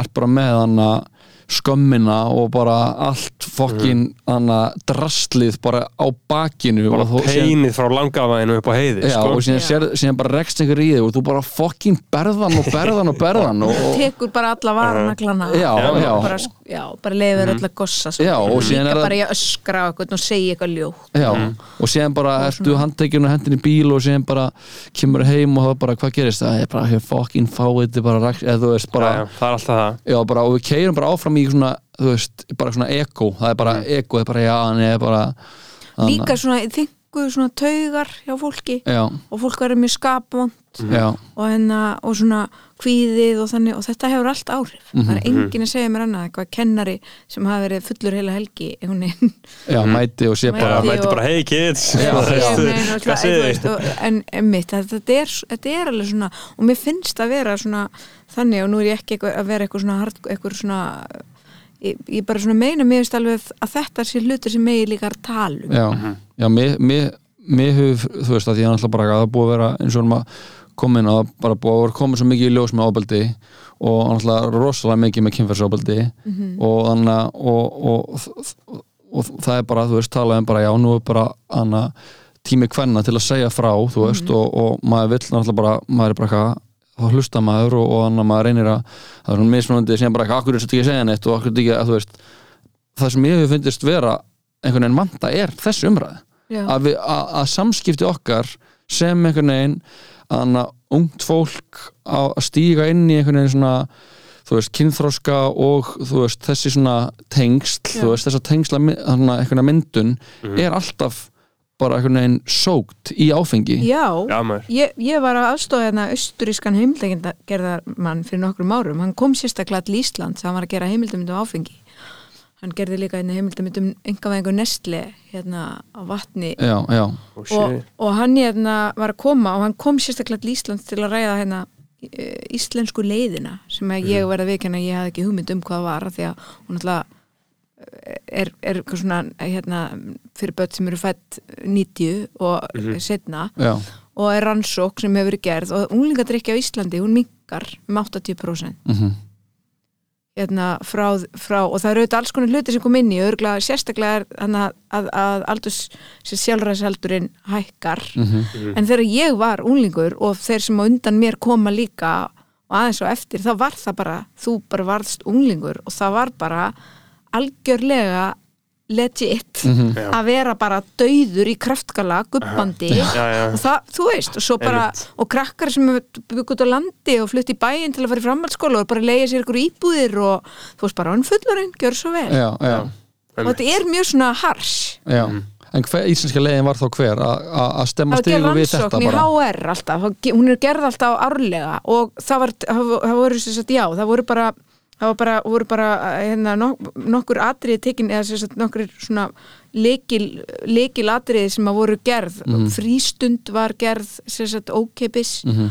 og tómstundir, það kom þessi frístundastyrkur og það var þetta foreldraröld og þið vitið að verða, verður bara svona verður bara svona að standa allir saman sem að gerist kannski ekki oft og þá úr verður kynsluð sem þið eru á. Ég menn unnsteinn er einmitt í myndinni og salkasól og mm svona sem verður mjög flott líka Já, fyrir vikið. Þú veist ég er ekki- ég er ekki að segja við séum öll alveg missefnið en þið vitið það bara verður eitthvað svona aðhald og skólanir og, og, og það verður allavega þessi menning að um leið og þú verður bara fermist að þá heyrir bara fá eitt smirn of bela og bara fara að löga vatni í útilegu og Já, bara, bara í blackout í fjóra daga. Já. það var bara ekki lengur Nei, nei, í lægi Nei, það er bara mjög gott og ég fór nýra rúf og horfði á alls konar efni sem ég var að láta hann fá af því þetta var svo eiginlega var hann mest spenntu fyrir þessu þessari breytingu hvernig þetta var á Íslandi. Og ég fór að horfa myndir af þú veist Hallarsplannu og Lækjatorgi bara e- fréttaefni frá þú veist 1983 ég horfði á alla heimildamyndin um Uxa og svona Já. og ég var bara með í maganum. Já Og hann er okkur að horfa á hana sko. Ég, Já, og því er ég á bara, YouTube. ma- því mann Ah. fannst maður svo gamall eitthvað og, og bara með þetta og ég bara, það var bara einhver, þetta var hræðilegt. Já, Já, einmitt og Já, mér- En mér finnst þetta meiri að hafa verið slæmt hjá mér. Ég fætti 95 og þú veist, og byrja að drekka í níundabekk fyrst Já. og bara svona krakkar í kringum mig það þótti svona eðlilegt að byrja að drekka í tíundabekk uh, sumar fyrir mentaskóla mhm, Einmitt. uh, en það var samt ekki eins og þú lýsir að þú veist, bara það hefur verið mjög seint þannig að ég, það er bara Já, svona verið góðu krakkanir, Já. já, já, þetta var Þau alveg hefur verið bekkur sko. uh, fyrr Og margir bara búin að vera að fara að stuðla þá þrísvar, sko. Það er, hérna. En ég veit ekki, ég, ég er allavega, ég held að þetta sé góð þróun og þú veist, líka það eru bara hlutin eins og það eru komið svona fóreldrafélag í framhaldsskóla. Ég veit ekki hvert maður hefur farið ef að það er já var, er- er það komið að einhverju hefði skipt sér af einhverjum í framhaldsskóla, það Mhm. hefði ekki heldur, Nei. bara líka bara í menningunni meina ég, bara Mhm. það var ekki nei, akkur þetta var bara harka hvað mamma einn var eitthvað að fá fréttabref úr MH eða? Svona- fuck off mom. En nú er þetta náttúrulega búið þú veist, það er, við erum komin að taka, stamma smá stigu við drikkjuna en þá hefur komið upp á móti, er það bara eitthvað þetta afl, þú veist, sem manna eru fyrirtækin, manna bara auðvaldið, þú veist Já, og það er bara, herru, eru það hægt að dega með þessu? Við erum með þetta hérna. Já, já. og þannig er, eða, þú veist, ég er ekki að segja að ná eitthvað dýbra eitthvað sé eitthvað hættulegra en þú veist þau eru allan með örglega þau eru með allan sko. her af sálfræðingum og félagsfræðingum og bara fólki sem er sér mentað í að bara hvað er að verður ekki gert það er náttúrulega bara þetta hérna. Já þú skulum gera það þú veist. Að þau bara komið inn á þetta inn í síðasta hætti bara að Facebook veit að þau tala um sko já eina hverjum anna þremur unglistelpum verður fyrir mjög slæm sálurinn áhrifum að, af að skoða samfélagsmiðla og skoða miðlan okkar, þau vita það og, og þú veist, og þau vita þess þau segja eitt þrið, þannig að þetta er bara Já, þrýr, þetta er bara allir.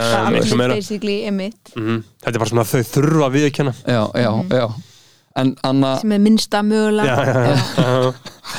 en ég, þú veist þannig að vonandi er, er þetta samt eitthvað að, að þú veist, að, að þessi umræða um, um áfengi, það er líka bara því ég hef aldrei drukkið og, anna, og því ég er í einhvern veginn, þá er það bara uh, að að fylgjast með einhvern veginn þú veist, þessu svona þessu tilhuga lífi að verða til, þú veist þannig að einhvern veginn þannig að, að fara að tala við stelpu, þú veist, einhvern veginn hvernig þetta er þá er þetta bara, Já. þú, ég er ekki að fara að gera það nema ég sé fullur, þú veist Nei, þannig, að, sko- þannig að svo snemma eru við er Já, einhvern veginn alveg bara það er afneitunin, Mhm. þú veist eitthvað, nei, ég ætla ég er ekki nógu góður eins og ég er, ég þarf að vera lúsi-gúsi fullur Já. og vera eitthvað ei, þú veist Gaur, sko öll mín mentaskóla Já. og bara öll mín áfengisár snerust einungis um eitt já, og það var sko Farrell og Daft Punk gera heilt lag um þetta Skilur, Já, já. þetta, þetta snerist bara um það að komast í kynni við stelpur Mhm. fá sér og komast í kynni e e ekkert annað. Þetta, snerist bara um það, einhver svona, einhver svona grunnþörf um tengsl sem maður sjálfur bara hafi ekki þekkingu eða getu til þess að skilja eða vita hvað var eina sem maður vissi bara, já, ef ég drekk þá get ég gert þetta. Mhm. Let's go. Mm og, og beint inn í eitthvað svona þetta samskipta minnstur einmitt Já, já, í eitthvað svona skríti eitthvað- og þá meira þess að gæta maður drukkið sér kjark til að senda skilaboð, skilur þú veist, þetta var bara svona allt bara svona mjög eitrað og mjög sorglegt og bara svona rosalega bara ræðilegt að þurfa að vera að viðkjanna þetta einna ofnbærlega í dag, en ég meina, þetta bara var eins og þetta var, já, en það er líka hefur ekki, að þú veist, mér, mér fundist það svo mikið vanta í umræðinu, að eitthvað eitthvað svo mikið eitthvað svona kynfyrsóbaldi og, og, og bara eitthvað svona andlega óbaldi og svona í þessum nánu samskiptum og við erum veginn þú veist, með svo lítið koma inn að bara, já, hva, hvernig verður þetta, hvernig verður sambandið til hvernig byrjið þið saman, veist, hvernig þannig þú veist, hver er svona þannig að þetta er bara eitthvað svona eins og Jésu talaði um, þú veist eitt, eitt byggði húsa sandi og eitt hann gróf onni í klettin og, hana, og þú veist Byrjaði þannig. já, Já, byrjaði já. þar, Já. þú veist Einmitt. og, hana, og, og við erum allt með þetta svona oft vera svona smá akkur svona á grunnu leveli, þú veist, það bara, já, fæðraveldi það er náttúrulega ástæði fyrir svona, já, já, þú veist, en við erum öll hluti af því, þú veist, og, það, hana og, og það, það er nákvæmlega út af því að þetta er alltaf bara í öllum vandamálum mannkynsögunar þá er þetta fucking djúbstækt margþátt flókið og erfitt vandamál og síðan kemur einn blórabökull fæðarveldi, þegar við tökum það núna skilur, og benta það að það er út af þessu. Já, Þetta er alveg eins og af hverju eitthvað voru bönnuð. Þarna svona í byrjun 2000-aldan í bandaríkinum það var bara, þú veist, fólki leið illa það var atvinnuleysi, það var bara helluð félagslega vandamál, fólk var bara eitthvað að ruggla á því og þau þurfa að lausna þessu. Þá kemur einn gaur sem að byggja til einhverja bullshit, uh, hann er anslinger fucking CIA heili sko, kemur byggða á einhverjum bullshit rannsóknum og segir við bara alla sem að ráða öllu í öllum vestfrána heimi, herru, öll þessi vandamál hérna, þetta er út af eitthulum og ég er með lausnina við ykkur. Við bönnu þið, við förum í stríð gegn þeim. Og þá keira þau það prógram áfram af því að þau bara vilja trúa að þau geti list öll þessi vandamál með þessu sko. þetta er alltaf svona uh, einhvern veginn fundið eitthvað eitt við einhvern einn blórabökul við öllum vandamálunum þegar það er alls ekki þannig sko. Já, það er svo vont þegar það er auðvitað af því að þú veist, þá erum við einhvern veginn aldrei að taka kannski almennilega einu svona á því nei, nei, af því eru þá líka svona, já, Já. það fer líka þá að snúast um þú veist, eins og mér veist oft vera hann að vera svona smá keisi líka í þessu að tala um þetta að þorps viðhór sem við höfum er að hann að þá fer þetta einhvern veginn afstá okkur að snúast miklu meira um okkur heldur en það sem við erum að Já. tala um. Þá er þetta hérna, já. já, mér finnst dómarka já, mér finnst þetta og svona og svona og mér finnst það og ef þið eru ekki sammála þá er, þurfið þið bara virkilega eitthvað svona og, og þetta er einhvern veginn þannig þannig að maður er eitthvað svona, já ok, ætla- er þetta, er þetta, þetta að ræða málin eða þetta, þú veist ég er bara, hann að og þess vegna finnst mér oft ekki svona að vera að taka við erum að taka skrif áfram, við erum líka alltaf að taka skrif aftur já á bak, þú og veist. við erum alveg að taka skref áfram líka með netið sem, er, þú veist, ef ég pæli í því, maður getur alltaf verið að tala um við allt svo gott í gamla dag og svona, en ég minna þegar ég var badd, skilur þá var fólk að horfa á, þú veist, fegursankefnir sem sjónvarpsviðburð Mhm. eða þið vitið, það ég minna Já, ég spilaði einu sinni á og, dinnir og sjó á Hotel Íslandi skilir og Mhm. konur í sundból og maður var bara eitthvað tjöppi bara með lausar tennur eitthvað bara að skilji, Já. bara, já, Já. að þú veist að svona fyrirmyndir og, og svo bara kom, kemur bara eitthvað í láber og svo kemur Kate Moss og þú ert alltaf bara já, já, Einmitt, bara svona heroin mjó átt og reykja ekki Já, nei. nema bara, og þú veist, og það og konur á mínum aldrei, að- þú veist, það er alveg bara ef þú varst ekki með átöruskun eða, þú veist, þá var bara ert þú bara eitthvað, þá er eitthvað að þér. Já, já, skilur, já. það, það er allir smá brenglaðir eftir. Já, Já, algjörlega eða þið vitið, það Já. er svona þannig, og svo erum við með þetta en þannig að þær eru allavega að fá eitthvað líka. Já, já, bara já. svona eitthvað, eitthvað, eitthvað fræðslu og eitthvað svona fyrirmyndir og, fá, að einhvern veginn sjá heiminn. Já, Já, sjá ótrúlega margt já, veist. sjá miklu meira. Já, þannig lagað það sem væri svo fallegt að væri einhvern veginn við getum verið að, að tala saman á svona þessum nótum, þú veist Já. en ef, ef við myndum einhvern veginn sem samfélag ná að hækka vitundastið eitthvað svona aðeins þú veist, og það er ekki að tala um eitthvað svona þurfum alltaf að vera eitthvað að læra meira að greindar eða þú veist, ég er svona me, tala, tala meira svona tilfinningulegu level og eitthvað svona í tengslu við sjálf okkur, þú veist, Já. hvernig við getum einhvern veginn að hækka vitundastið okkur þannig að við, þannig að við getum með, meðtekið þessar upplýsingar og einhvern veginn og það fara inn í líkamán okkar í snæði fyrir sem alltaf að vinna svo mikið bara á haustnum já, bara Já, og, að sé, og við erum alltaf vinnur að sé vera að selja okkur þá líka, Já, það já. trublar og já, og síðan blandast þetta saman eitthvað svona, þú veist, það er bara hann að þú veist, þannig að karlmennskan í bóði Íslandsbanka af Ís og Já. BSRB og þetta farlag í bóði Bodyshop og hann að einhver súkulaði og makland og maður er eitthvað svona, já ok uh, þá verðum við pínu svona, hm, ha, býttu, Mhm. ok en hvað með þetta, hvað með Íslandsbanka hérna Eða- Já, ha, já. hvað með einstæðu maðurnar sem mistu allt í hruninu eða í alvörinu já, er og bara ennþá stefnu bankana Já, bara, reka, þú veist, það er bara að reka bara prógram sem eru gert til þess að skila arðu Bjarni Ben bara, heyrðu, hvað með við seljum þetta og þannig að, Mhm. þú veist, þannig að- þannig að, þú veist þetta er náttúrulega bara flókið eins og eins og allt, það er auðvitað lítið í allt sko. En þú, þannig að, mér langar aðeins að koma inn á þannig að, veið, þannig að ekki veiðferðina heldur sömuklubin. Sömulbin, já. Já. Og þannig að hún kemur út, hvað, 2021? í fyrra, Í fyrra, já. í sumar Já. já, hún kom tutt, já, í júni, byrjun júni í fyrra Mhm. já, Alveg, hver, hver eru svona tilhör þessar myndar veist, þetta er, með þess að þessi mynd komið með að vera svona mjög ferskur andblær inn í, eða veist, með mjög langt sem ég sá einhverja mynd sem Já, hún sko, þeir hérna uh, veiðiferðin var Já. til og var svona, þú veist, hún var auðvitað búin að vera í bígerð, hún var gerð svona, kannski, þú veist, aldrei hratt og svona og ég bara fór á fund þeirra framleiðanda og, og einhvern veginn uh, fór bara boltin að rúla þar og við gerum, söm, ég og Snjólegu Lúðvíks skrifuðum saumaklúbin Mhm. og við fengum einhver svona COVID fjár veitingu og Já, þetta já, gerist já. allt rosalega hratt en ég, ég var, þú veist, þannig ég var svona svolítið að taka vináttu vináttuna úr myndinni þeirra og þetta var kannski einmitt þessi pæling að, að við erum þegar við erum eh, einhvern veginn förum inn í ákveð hérna að hópa fólki þá breytust við eða þú veist Mhm. og þær eru svona, eru eiga að vera svona gaggó eða svona mentaskóla vinkonur og þegar þær hittast sem er mjög sjaldan að þá hérna verða þær svolítið eins og unglingar. Mm og svo er svona samanburðar kellu lætin líka og líka svolítið alkoholismi já, já, einmitt. Þið veitir að því konur eru svolítið sérstakar með það að þú veist við kannski förum og erum alveg ógeðslega hellar og bara draug fullar ykkur staðar og guppum heimi á okkur og, en svo ringjum við kannski vingunum okkar daginn eftir og bara oh, það, var, það var svo nærandi í gær. Já, indislegt að Já, hittast. og þetta allt er svo lekkert. Menn eru meira svona, Já. þeir bara fara á, eh, held ég, já, en þú veist konur eru alltaf, það er alltaf að vera að setja eitthvað svona búning. Mér, eitthvað það magnaði, vinkonum smá mín eventum. segja um um daginn sko að þegar hún er þunn þá vil hún ekki viðurkenna fyrir neinum. Nei, fara að þvó bílinn "Ha, bara og eitthvað, what? já, Ég myndi bara nýta þetta tækifæri til að vera smá fórnalamp og bara að þetta er svona mér. samvinsku bytti þú veist það er alveg komið og, já, og já, svona já, já. og þetta er líka oft mér finnst þetta að vera bara svona vinnasambönd uh, kalla á hvernig að vera mjög ólík. Mér finnst einhvern veginn svona ég veit ekki hvort það sé bara ég mér finnst eins og hann að strákar einhvern veginn öðuldra með að eitthvað svona hitta einhvern að vera bara vinir.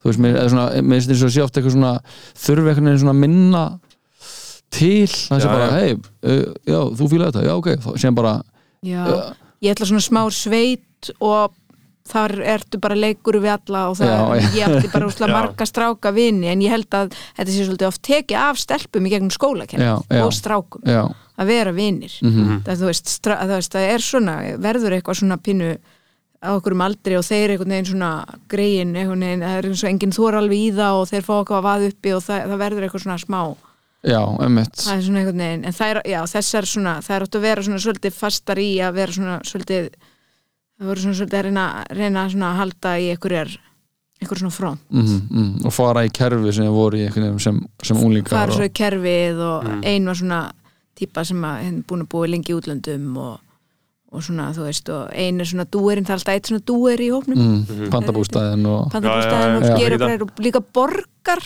það er líka svona ákveðið vald þegar þú er típan sem borgar. Já, vitið, þá Já. eiginlega ræður þú. Emmitt Já, já. það er smá ofbeld í því. Já. Já, já, já, Já. já, já. og líka þetta sem þú veist, allt er betri í útlöndum og svona. Mhm. já, já, og, fortíðin og, Hún var í og svona. Mhm. Já, ein er svona og svo er mitt svona alkoholista vandamál sem að er svona svolítið verið að skauta fram í á en ég er samt Já. alveg sýnilegt. Emmitt T- ta- Taka sveppi í myndinni Já, það er að taka sveppi því þær Mm. eru svona, að því þær eru að taka með sér svo sem ræður og borgar, hún eiginlega þú veist, hún er frekjast og tekur með sér, hún er náttúrulega með konu í vinnu andlegan leiðtóð, Já, af því hún veit að það er næsta svona Já, já thing, hann náttúrulega myndin skrifa hana 2020 já, eða já, svona. þannig að hún er svona, ok og hérna, en hún, sú kona þrátt fyrir að vera á kapitalískum fórsendum, þá er hún, telur hún sér vera alvöru já. Helga Braga leik hana og Helga hefur, er mikill hún hefur sjálf búin að eða svolítið æfinni í mi mikið andlegt já. þannig að það kemur allt sko frá geggjum stað. Já, já. Já, hún er alveg, alveg geggjaða karakter og, með svona, svona, ég bara trúi þessu mikið, þú veist, þessi típu og hann og mér varst líka þetta sveppatrip, mér varst að vera bara svona Já, realistic. Raunverulega þessa Já. sveppatrip sem ég sé sem er bara í bíómynd eða eitthvað. Já, það er gaman að heyra það, Já. ég laði vinnu í þetta sveppatripp. Já, Mhm. Og hérna, og ég fekk mér segja, ég fekk hérna, náttúrulega fekk hjá strákunum hérna snorrakamið já, já, já, já, einmitt það sneru sér alltaf já, Já, já, já. það hérna var einmitt nota fyrst þannig að held ég í, í Ríkvim for a Dream Já, ok já, já, og og ég var hérna- svolítið inspireruð af hérna einu James Addiction hérna eldgömlu vídjói Mhm. mm. og hérna, já, ég, það var ágætt ég gæti svona leitað í einhverja fortíð þannig og Mhm. nýtt Mhm. mér. Það var bara gaman og svona og svo, svo hjálpaði sagt, já, við tókum þetta svona svolítið. Við hérna, fórum inn í svona hérna, steini hjálpaði okkur aðeins líka Mhm. svona ákveðna skinjun og svona. Einmitt, sem einmitt. að þær bara voru með. Já. en svo átt hún líka að því hún var svona smá bóndakona Mhm, svona hún var mjög hjartbundin sem Já, já. Helga er ekki sko. Við þurftum svolítið að tengja hann alltaf. Já, þannig að þú veist hún var hún gaf þeim alltaf mikið líka. Hún var ekkert alveg, hún var smá brussuleg í þessu. Þið vitið. slumpa aðeins bara. Tindi og vera að ekkert alveg viss og svona. Þið veitir, hún kíkti bara einhverja bók hana, gamla sveppa bókina og fóð bara út og svona, hún var aðeins búin að googla þetta en já.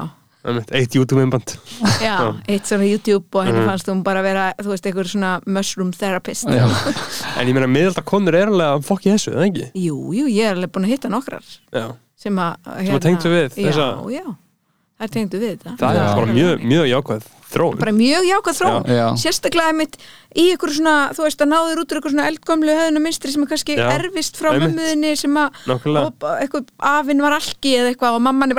síðan Já, þá já, og það fer inn í þig og svona Já. algjörlega sko. Það, ég er að vona að það sé þegar myndin klárist að þú farir og sjáur að það hafi haft góð áhrif á mhm. Já, það er já með, meðast þannig að þetta er ótrúlega falleg og fyndin þú veist mynd og gera einhvern veginn þú veist þannig að gera það sem hann var að gera mjög vel sko. já, það er gott. En þetta er fyrsta myndi sem við leikstýrir eða þú veist, þú hefur leikstýrt ég hef leikstýrt hérna ég leikstýrði þreim þáttum af uh, borgarstjórunum emitt hann Jón, Akkurat. Jón Gnar var borgarstjórin og hann sérst að gaf mér það, það tækifæri að sérst að já, þá leikstýri ég í fyrst skipti. Mm -hmm. og, og, og fekk svona, já, það var bara geggjað. Mhm. og svo skrifa ég handrit að Agnesi Joy og framleiti hana. Já, já, þannig að það er svona hérna en saumaglúburinn var fyrsta myndin og þetta var mjög mikið, mjög lærdomsrikt já, Mhm. já, ég trúi því já, líka bara, en það er líka gaman að skrifa eitthvað og gera leikstýraði líka Já, Mhm. sjá að verða til Já, og það er svona og gera fullt af mistökum og laga þau í klippinu og, Mhm. og svona og uh, þú átt alveg aðra mynd í þér, eða ekki? Jú, jú, jú, jú, ég held Það er að. Ekki? Já, ég Ekki? held það Ég held það líka, sko. Þannig, ég vona það Og hvernig blasti það við þér? Ég meina svona, eh, fólk hugsa fjárhagslega erfitt En ég meina, er það ekki eitthvað bullega? Þú getur alveg lifað í að búið til bíómyndir Já, þú getur það, þú ert náttúrulega alltaf að vera að gera eitthvað annað með og svona og Mhm. heimild að þætti og já, myndin skrifa eitthvað já. serju og Já. kannski Mhm. skrifa skaupið eða eitthvað svona en, en jú, þá, þú átt alveg að geta það Mhm. og hérna, ég held að þetta sé alltaf færast til einhvers betri vegar með það Já. Mhm. en Finn- ég vil vona það Já, ég vona Er- það með þér sko. Er, er, er bjart síni uh, í þessu? Þetta er svona, þú veist, að vera í kvikmyndagjara á Íslandi er það að vera í the winning team Já, það var það kannski ekki, þetta er náttúrulega, ég hef alveg svona hort á rum rosalega miklar breytingar bara því ég var náttúrulega ung því ég byrjaði náði kannski skottið á þessu gamla og svo kom Mm. þetta nýja og svona, Pappirfissin alltaf líka hana svo pappispjessi, náttúrulega bara skottið með 35 mm filmu og Já. leiksturinn var með alpáu og allt þetta svona, mm. og Siggi kyn, eh, hérna, steppi úr Guskus var runner og var 17 ára. Já, stöf, stöf, nei, hann hérna hinn. Kinski. Já, já, en, en sko, já, ég held það ég held líka því að það er allavega eins og bara í Danmörku og eins og í Breitlandi þá er rosalega mikið að gera. Mhm, það er Já. rosalega eftirspurn og það er líka rosalega eftirspurn eftir sögum. Já. og bæði bara tölvu, hvort sem það eru tölvuleikir eða sjónvastættir þannig að ég held að, að það sé gott. En þess að við getum, við þurfum þær. Já, já, og hérna og svona ég held líka bara að við þurfum þetta allt. Við þurfum bíómynd, það er allt öðruvísi að segja sögu í bíómynd heldur en í sjónvastætti Mm. og það er bara er einhvern veginn önnur hugsun og, og hérna, já, ég held að það, þetta sé alveg gott að vera í þessum geira. Já Já, það er að tala um hana vorið í liðið og nú er komið bara íslenska kvimda sumar Já. var ekki eitthvað að segja það? Jú, Mm og við erum farin að þú veist, einmitt bara þóra að gera og svo bara fullt að góðu fólki að koma. Þetta við vorum alltaf svolítið strand held ég á handritum. Já, einmitt. Því og svona. Já, og já, bara er að koma ógislega mikið af flottu mhm, fólki að- eins og þið, þínum aldri og ykkar aldri og Mhm. skrifa handrit og, og fólk sem er í námi erlendis og, og, og kann svona, þú veist, að gera.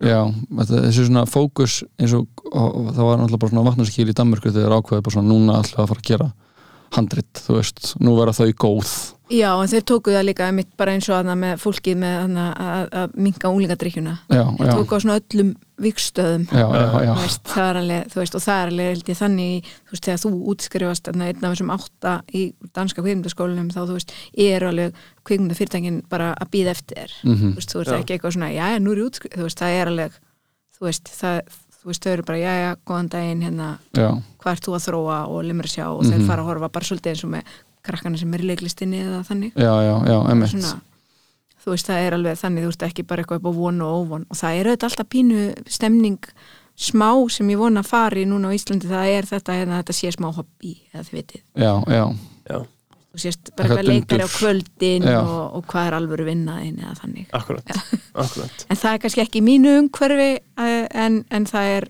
alveg ég, maður finnur svona, það er kannski einhvern veginn í smá í vatninu. Já, já og það er alls konar öll sem vilja íta undir þessa orðræði þú veist, Já. að það sé ekki listum og getur bara selta og hana, Allt eiga að kosta eitthvað. Já, Já. að- hvað svona virði og og þú sést svona klára þá eru bara meika og vera Akkurat. Arnaldur Indriðarsson já, bara þessi munur á eitthvað, hana, hana verði og verðmæti Mhm. og hana, en það náttúrulega er að opna kvipmyndadild á háskólasti Já. í fyrsta skipti á Íslandi núna Já. bara í haust Mhm. Já, það gerist núna næsta haust já. já, og vera auðvitað nefndum og kennurum og, og hana og maður vonar að ég, þú veist, það er engin spurningum að það sé þróun í, í rétt átt og, bet, og til betri vegar sko. Já, og ég held það líka að það sé alveg gott að því að, þú veist, kvikmyndagerð er, þú veist, bara eins og bara margar aðra listgrinir, hún tekur alveg mikið frá þér líka. mm Þú, Mhm. Hún er tímafrek, þú sér bönnin lítið, þú þarft svolítið að, þú veist, hún er svona, svona, þannig að það er kannski ágætt að þú líka farir þá og, í þetta nám og, og, og þú veist, svona virkilega viljir Já, já, gera þetta er ekki fyrir hvað sem er Nei, Það sé einhvern veginn að þú finnir það bara, já, ég til í þetta. já. Já.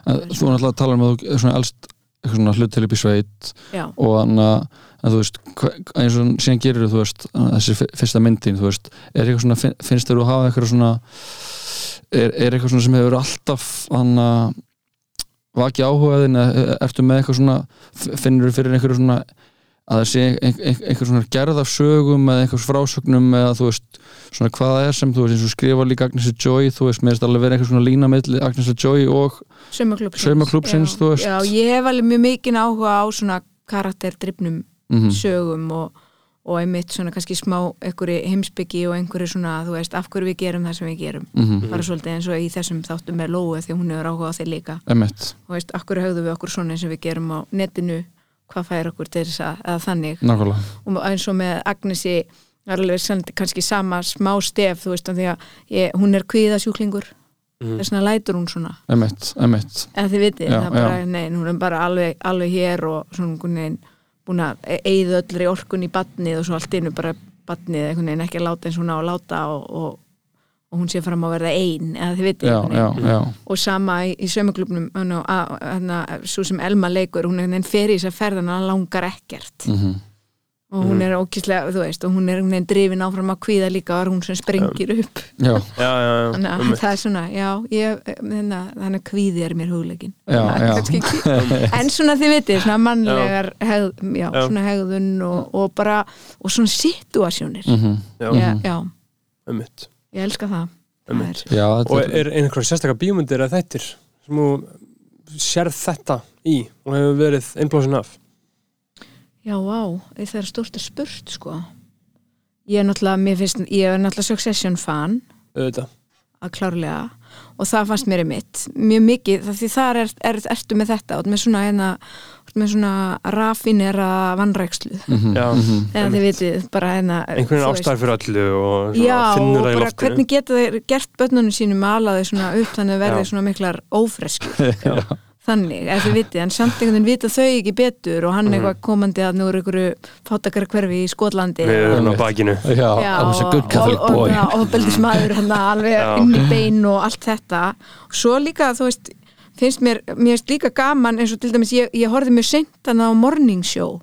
Já, og þarna fyrir bara núnum jólin. Og það til dæmis fannst mér mjög áhugavert inn í til, til dæmis Me Too. Mhm, og fyrir mig sem hafandi starfað lengi í kveikmyndagerð þetta teiki sögunni bara hvernig þær í rauninni að þau í sjónvastöðinu voru öll partur Með, af já. mandamálinu já, já. Mhm. þú veist, og það er einhvern veginn erfiður speill en hann er þar. Og ég, Mhm. þú veist, mér varst það mjög svona, og, og svoleið svona pælingar, já, finnst mér Mhm. meik, já, eru svona veginn eh, svona kafa daldi í það ég, Mhm. í svona af hverju, af hverju eitthvað er Mhm. Einmitt, einmitt. en það fer alltaf í raunveruleikan já, já, þú veist það að vera til Mhm. já, en svo er líka úkslega gaman að vera ekki í raunveruleikan já, þannig, það var úkslega gott einmitt í, það var úkslega næs að gera sveppatrippi í Já, sveimaklumnum og Mhm.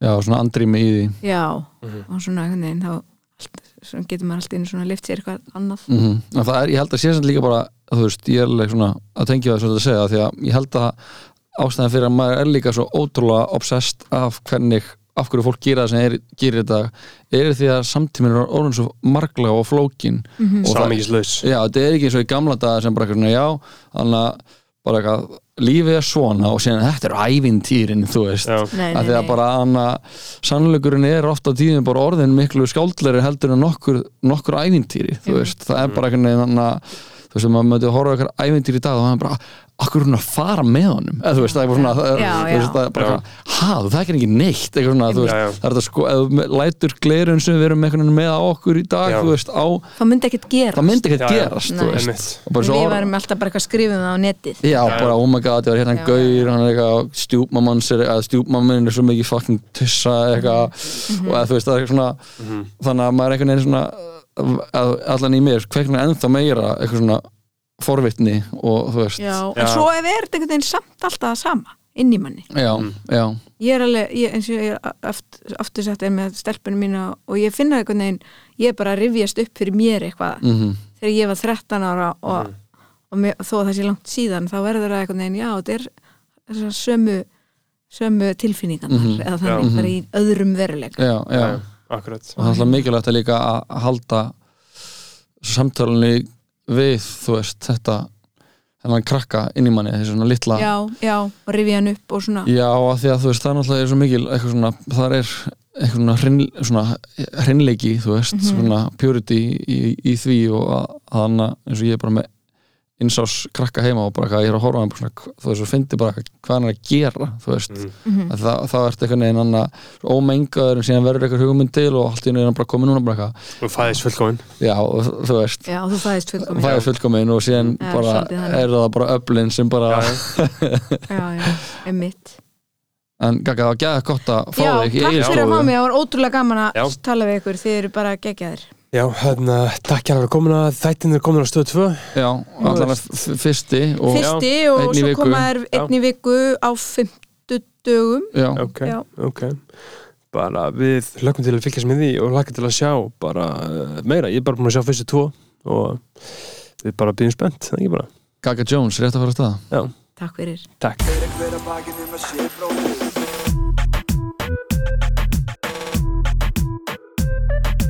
Fyrir hver að bakinu með sé bróðir Fyrir hver að sé bróðir eigi